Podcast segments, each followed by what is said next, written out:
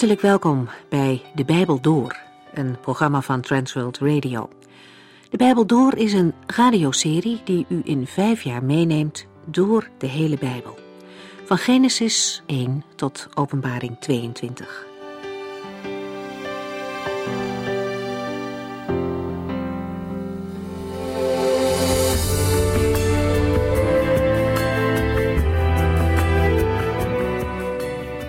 We lezen in het Bijbelboek Jesaja en hoofdstuk 61 kan in drieën gedeeld worden. Vers 1 tot en met 3 gaat over de gezalfde en zijn bediening. Vers 4 tot en met 9 gaat over de zegening van Gods volk. En vers 10 en 11 over gerechtigheid en lof voor al de volken. Dit hoofdstuk beschrijft de betekenis van de zending van de gezalfde voor de gebrokenen van Sion en de volken. Nadat de bediening van de gezalfde is geïntroduceerd, volgen rijke beloften voor Sion en de volken. In Jesaja 61 komt de Messias zelf aan het woord. De vorige keer hebben we uitgelegd dat wij, ook al denken sommigen daar anders over, goede gronden hebben om te denken dat het hier om de Messias gaat. U kunt dit nog terugluisteren via onze website transworldradio.nl. Om een voorbeeld te noemen, in Lucas 4 betrekt de Heer Jezus deze versen op zichzelf. En in Johannes 1 staat dat de geest van Jezus neerdaalde en bleef. Hij is de gezalfde op wie de Heilige Geest rust. In het Bijbelboek Jezaja komt het rusten van de geest van de Heere op iemand meermalen voor. Het heeft telkens te maken met een bijzondere toerusting in de vorm van wijsheid, macht en autoriteit. Jesaja 62 begint net als het vorige hoofdstuk met een ik-figuur. Het meest aannemelijke is dat dit opnieuw de gezalfde is die het woord neemt. Hij zegt heel duidelijk dat hij niet zal ophouden te roepen om het inlossen van de belofte van het herstel van Sion, net zolang totdat het licht van haar vrijheid daagt. De Heere vervult zijn belofte, maar het kan lange tijd duren, en intussen wil hij gebeden zijn. Een mooie aansporing om te blijven bidden lezen we ook in vers 7. Neem geen rust, u die bidt, en geef God geen rust. In dit gedeelte gaat het specifiek om een gebed om herstel voor Jeruzalem, maar we mogen deze woorden ook meenemen als aanmoediging om door te gaan met bidden. We lezen verder in Jesaja 63.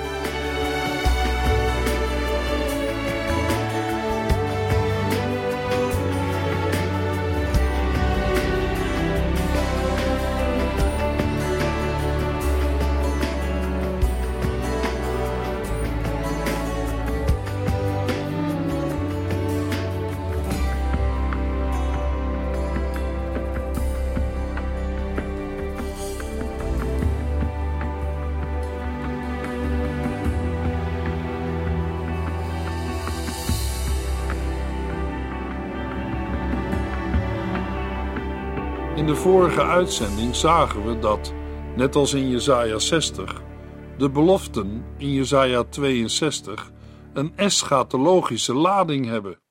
Maar met het historische herstel van de stad Jeruzalem na de ballingschap kan nog niet van een nieuwe naam en van een prachtige kroon in de hand van de Heer worden gesproken. We hebben ook gezien dat de beschrijving van het herstelde Jeruzalem aansluit bij Openbaring 21, waarin veel toespelingen uit Jesaja 62 opvallen. In het Bijbelboek Openbaring valt ook op dat het nieuwe eschatologische Jeruzalem volgens Openbaring 3 vers 12 en Openbaring 21 vers 2 en 10 uit de hemel neerdaalt als een bruid. In Jesaja 62 vers 11 lazen we dat het volk van de Heere, de dochter van Sion, in ballingschap verteld moet worden: De Heere komt eraan om u te redden. Dat gebeurt door de Messias. Hij heeft het heil voor de volkeren bemiddeld en doet dat ook voor Israël. De oproep in Jesaja 62 vers 7 Neem geen rust, u die bidt, en geef God geen rust tot hij Jeruzalem een hecht fundament geeft en zij over de hele wereld respect en bewondering afdwingt, is ook voor de gelovigen in onze tijd een belangrijke aansporing tot voorbeden en lofprijzing. voor Israël, maar ook voor de andere volken. Wij mogen de Heere herinneren aan zijn beloften. Ook wij worden opgeroepen te bidden voor de vrede van Jeruzalem en de redding van onze naasten. Zulk bidden begint met te bidden om eigen redding en verlossing en Christus te aanvaarden als persoonlijke heiland en verlosser. Ook in de laatste hoofdstukken van Jesaja, in Jesaja 63 vers 1 tot en met 66 vers 24, is de blik gericht op het toekomstige ingrijpen van de Heer. Daarbij gaat het in de eerste plaats en nog steeds om het herstel van Sion of Jeruzalem. Maar de blik verbreedt zich op verschillende plaatsen tot een wereldomvattend ingrijpen van de Heer. Achtereenvolgens komen ter sprake het wraakgericht van de Heere tegen zijn vijanden in Jesaja 63 vers 1 tot en met 6. Daarnaast in Jesaja 63 vers 7 tot en met 64 vers 12 een gebed van Gods volk om herstel en in Jesaja 65 vers 1 tot en met 66 vers 24 het antwoord van de Heer op het gebed. In Jesaja 63 vers 1 tot en met 6 wordt iemand geïntroduceerd. De Heere zelf of mogelijk zijn vertegenwoordiger, die zojuist Gods wraak heeft uitgevoerd. Jesaja 59 vers 16 tot en met 21 vormt een parallel met dit gedeelte. Het is de Heere zelf die wraak oefent en zo gerechtigheid en vergelding brengt. Maar in Jesaja 61 vers 2 is het zijn gezalfde die de dag van zijn toorn tegen hun vijanden uitroept. Dezelfde formulering die we in Jesaja 63 vers 4 aantreffen. Het lijkt erop dat het handelen van de Heere en dat van zijn gezalfde niet al te sterk worden onderscheiden. Door middel van een soort dialoog komt het ten tonele, waarna een korte monoloog volgt met een beeldende beschrijving van de wijze waarop de vergelding wordt uitgevoerd. Jesaja 63 staat ook in het verlengde van Jesaja 59 vers 16 tot en met 21, waar de Heere het oordeel aan andere volken voltrekt. Samen omsluiten de tekstgedeelten Jesaja 60 tot en met 62, waar het herstel van Sion en Jeruzalem beschreven wordt, maar waar ook sprake is van een dag van toorn, die door Gods gezalfde wordt voltrokken. De omkadering en het verband met het optreden van de gezalfde illustreren de samenhang tussen het oordeel over Gods vijanden en het herstel voor Gods volk, als de tijd van Gods ingrijpen is gekomen. Jesaja 63 vers 1 Wie komt daar vanuit Edom aan, uit de stad Bosra, in zijn prachtige donkerrode kledij? Wie is dat in zijn koninklijke gewaden, rustig voortlopend met grootse kracht? Ik ben het, de Heere, die uw heil aankondigt, degene die de macht heeft u te redden. Er verschijnt iemand en dat roept de reactie op: wie is hij? De vraag betreft een opvallende verschijning vanwege drie kenmerken: de richting waaruit hij komt, de kleur van zijn kleren en zijn zelfverzekerde manier van lopen. Hij komt uit de richting van Edom en Bosra. Bosra kan een eigenaam van een persoon zijn, maar is meestal een stad in het land van Edom. In Jeremia 48, vers 24 lijkt Bosra binnen het gebied van Moab te vallen. De naam Edom is verwant met rood en het gebied was een centrum van wijnbouw. Vanuit Jeruzalem bezien is dat vanuit het zuiden, maar er is meer bedoeld dan alleen een geografische richting. Edom is een broedervolk, maar heeft zich meer dan eens tegen Israël opgesteld. Die negatieve ervaringen kunnen de aanleiding zijn dat Edom wordt genoemd, maar dan als representant van alle vijandige volken. Als Edom of Seir wordt genoemd, wisselt dat steeds af met de rest van de wereld. Al staan er in de omringende hoofdstukken ook beloften voor de volken. In Jesaja 63 blijkt uit het vervolg dat de Heer in zijn toorn met vergelding komt. De kleding of mantel is rood en koninklijk, en de manier van voortbewegen is rustig voortlopend met grootse kracht. De aangesprokene antwoordt met: Ik ben het. En daarna volgen twee eigenschappen. De Heer is de rechter die het vonnis uitspreekt, maar ook degene die het oordeel uitvoert. Uit het voorgaande en deze toelichting blijkt dat de Heer of zijn vertegenwoordiger, zijn gezalfde, nadert. Jesaja 63, vers 2. Waarom is uw kleding zo rood als van iemand die in de wijnpers de druiven uitperst? Na de introductie wordt de vraag gesteld waarom zijn mantel zo rood is. In die vraag wordt het beeld van een wijnpers gebruikt, want de mantel heeft kennelijk de bloedrode kleur van druivensap. In die tijd gingen mensen met blote voeten in een wijnpers om het druivensap uit de druiven te persen. Daarbij was het bijna niet te voorkomen dat het rode druivensap uit de rijpe druiven spoot en op de kleding kwam. De vraag wordt gesteld: waarom is uw kleding zo rood? Het antwoord lezen we in vers 3. Jesaja 63, vers 3. Ik heb de wijnpers alleen getreden. Er was niemand die mij hielp. In mijn toorn heb ik mijn vijanden als druiven vertrapt. In mijn toorn vertrapte ik mijn tegenstanders. U ziet hun bloed op mijn kleding.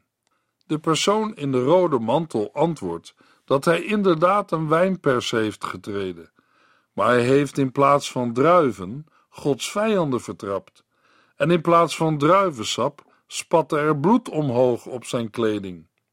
Er wordt benadrukt dat hij dit alleen heeft gedaan, wat in vers 3 een teken van macht is.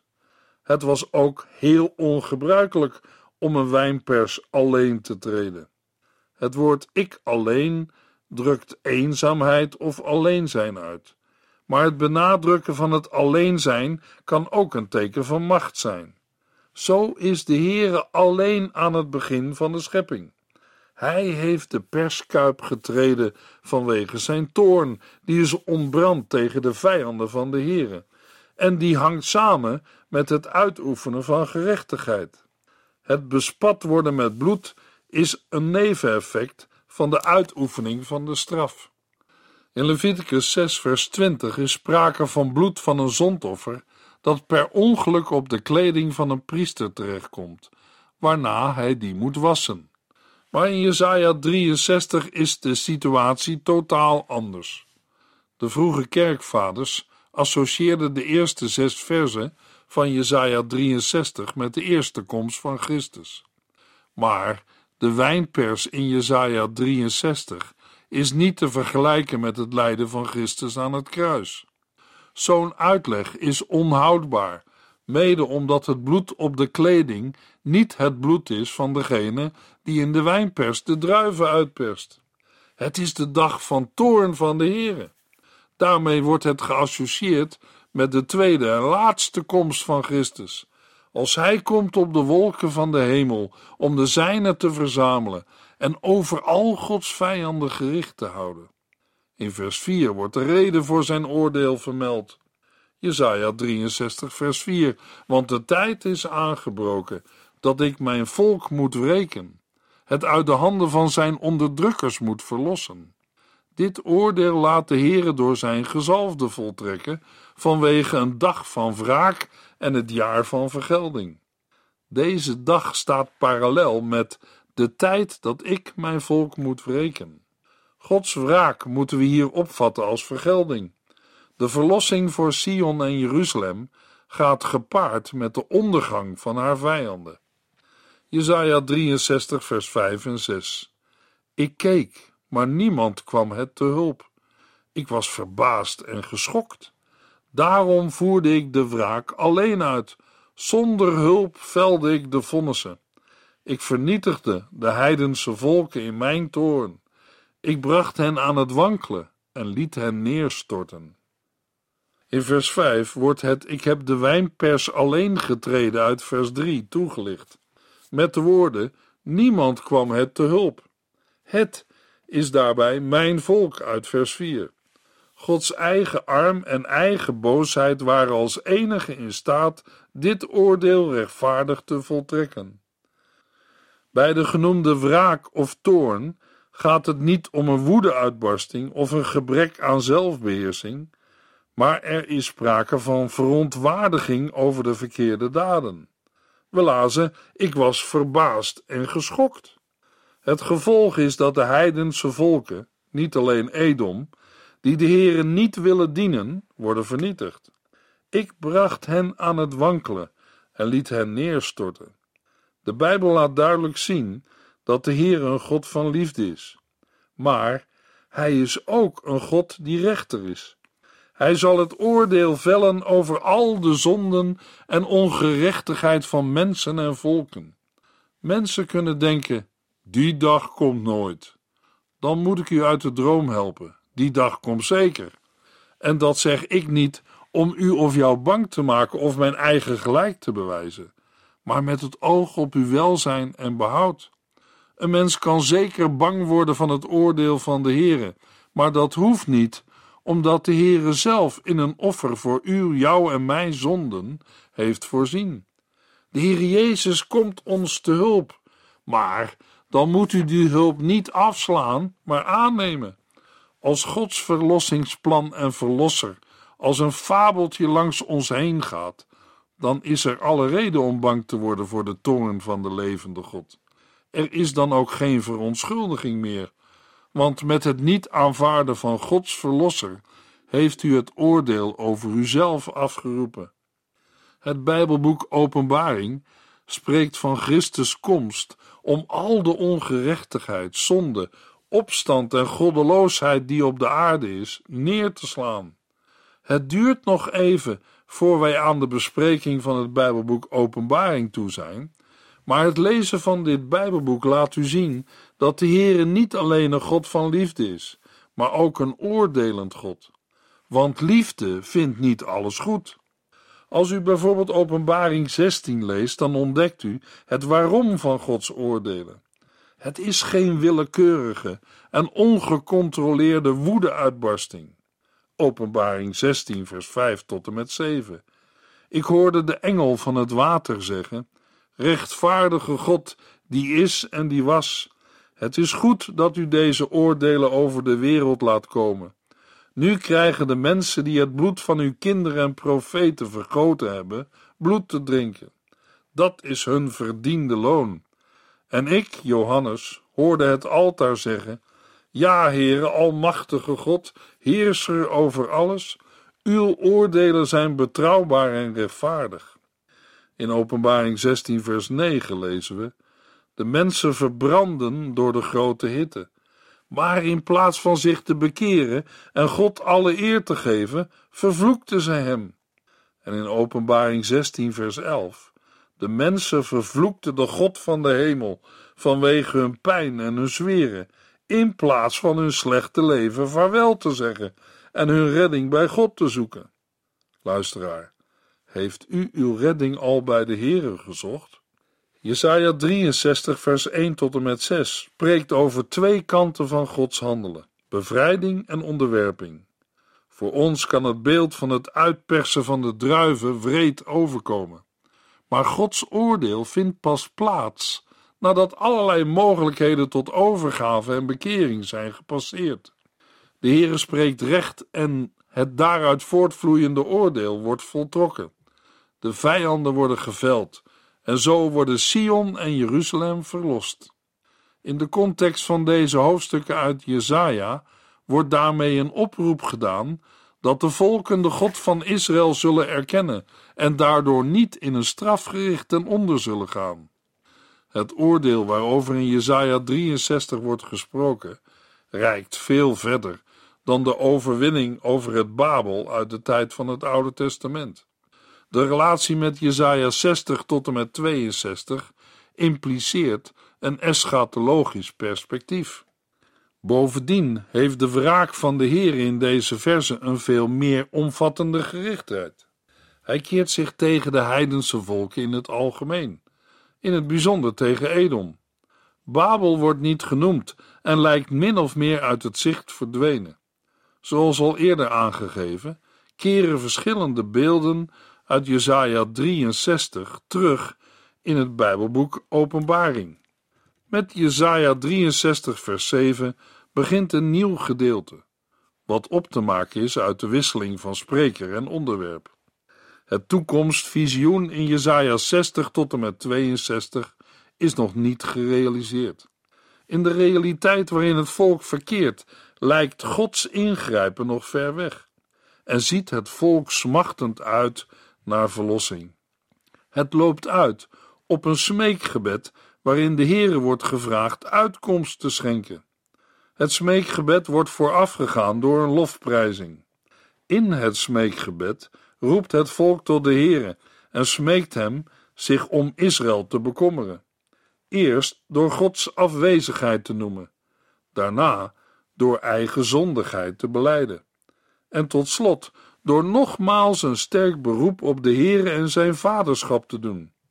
De boodschap in Jesaja 65 en 66 is Gods antwoord op het smeekgebed. Jesaja 63 vers 7 Ik zal vertellen over de ontfermende liefde van God. Ik zal hem loven voor alles wat hij heeft gedaan. Ik zal mij verheugen over zijn goedheid tegenover Israël, die hij haar betoonde in zijn genade en liefde. Voordat het eigenlijke gebed begint, waarin de Heere om redding wordt gesmeekt, vinden we een lofprijzing die het karakter heeft van een psalm. In Jesaja 63 vers 7 tot en met 14 wordt de Heere geprezen om zijn verbondstrouw en zijn grote daden in het verleden. Al eerder heeft de Heere krachtdadig ingegrepen om verlossing te schenken, en de profeet prijst hem voor de liefdevolle trouw, goedheid en barmhartigheid die hij daarmee betoond heeft aan het volk van zijn verbond. Eerst klinkt het ik, waarmee de profeet aan het woord is, en daarna gaat het over op het ons van het volk. Jesaja 63 vers 8 Hij zei, zij zijn toch van mij, mijn eigen kinderen zullen mijn vertrouwen niet opnieuw beschamen. En hij werd hun redder. Vers 8 beschrijft Gods gedachte voordat hij Israël bevrijdde uit Egypte. Zijn gedachten maakte hij later bekend aan Mozes.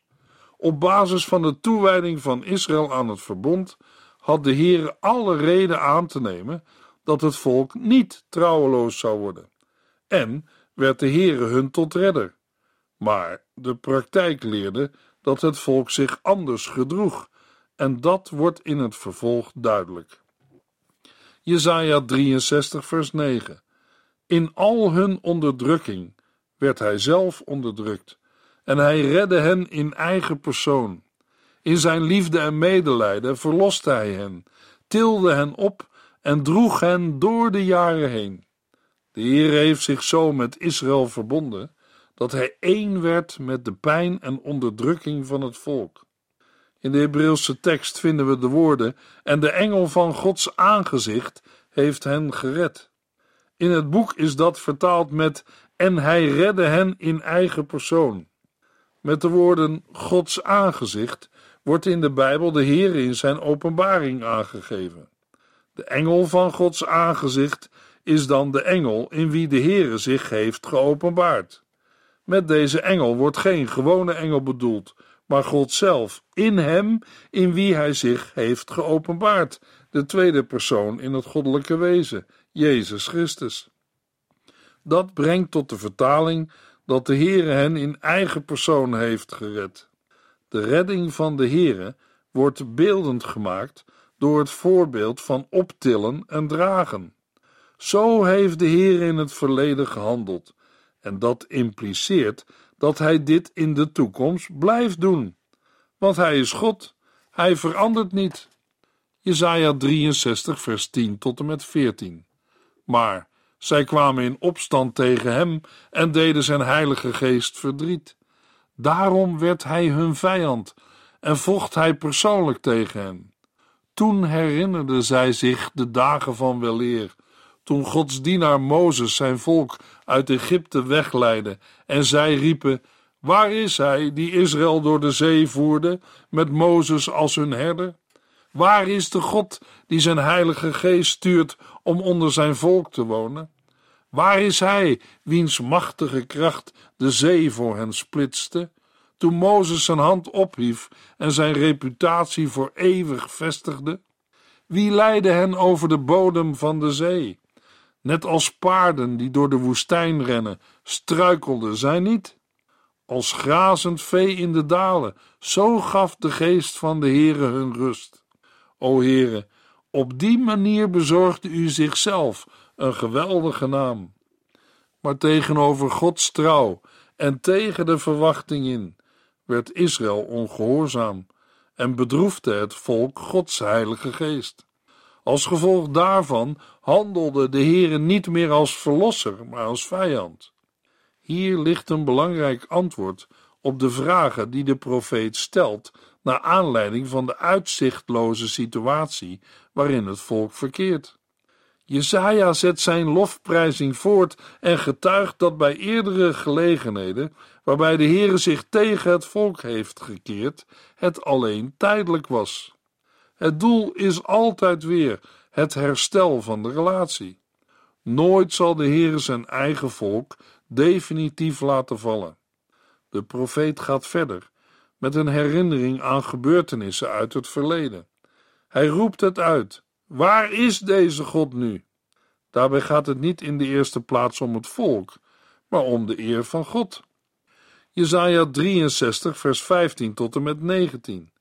Kijk vanuit de hemel neer en zie ons vanuit uw heilige, glorieuze verblijfplaats. Waar is uw liefde voor ons, die u altijd liet zien? Waar zijn nu uw kracht, uw genade en uw medelijden? U bent immers nog steeds onze vader. Abraham en Jacob kennen ons niet, maar u blijft onze vader, onze verlosser van oudsher. O Heere, waarom liet u ons afdwalen van uw wegen in onze onbuigzaamheid, zodat wij zondigden en ons tegen u keerden? Kom terug en help ons, want wij die uw eigendom zijn, hebben u zo nodig. O God, waarom behandelt u ons alsof wij uw volk niet zijn, als een heidensvolk dat u nooit heren noemde? Met vers 15 begint het eigenlijke smeekgebed. Na het memoreren van Gods grote daden in het verleden, richt Jezaja nu direct een verzoek aan de Heer. Het volk is vastgelopen en kan de Heer niet meer vereren, terwijl bekering en het vrezen van de Heer belangrijk zijn om een verandering te bewerken. Laat God nu zelf ingrijpen. In de volgende uitzending lezen we Jesaja 64.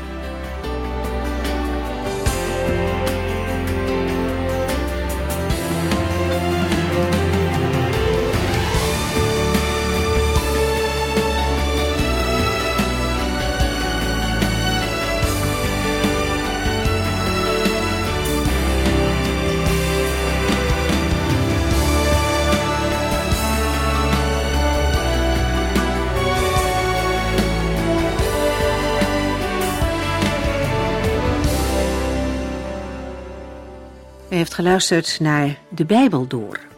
In het Nederlands vertaald en bewerkt door Transworld Radio. Een programma waarin we in vijf jaar tijd de hele Bijbel doorgaan. Als u wilt reageren op deze uitzending of u heeft vragen, dan kunt u contact met ons opnemen. Tijdens kantooruren kunt u bellen op 0342 47 8432. 0342 47 8432. 32. Ook kunt u een e-mail sturen naar de Bijbel door transworldradio.nl en natuurlijk kunt u ook via de post ons bereiken. TWR, postbus 371, postcode 3770, AJ in Barneveld. Dit programma werd gepresenteerd door Cor Weda en Ike André. Techniek was in handen van Odin van Woerdekom. En wij allemaal bedanken u voor het luisteren. Graag tot de volgende keer.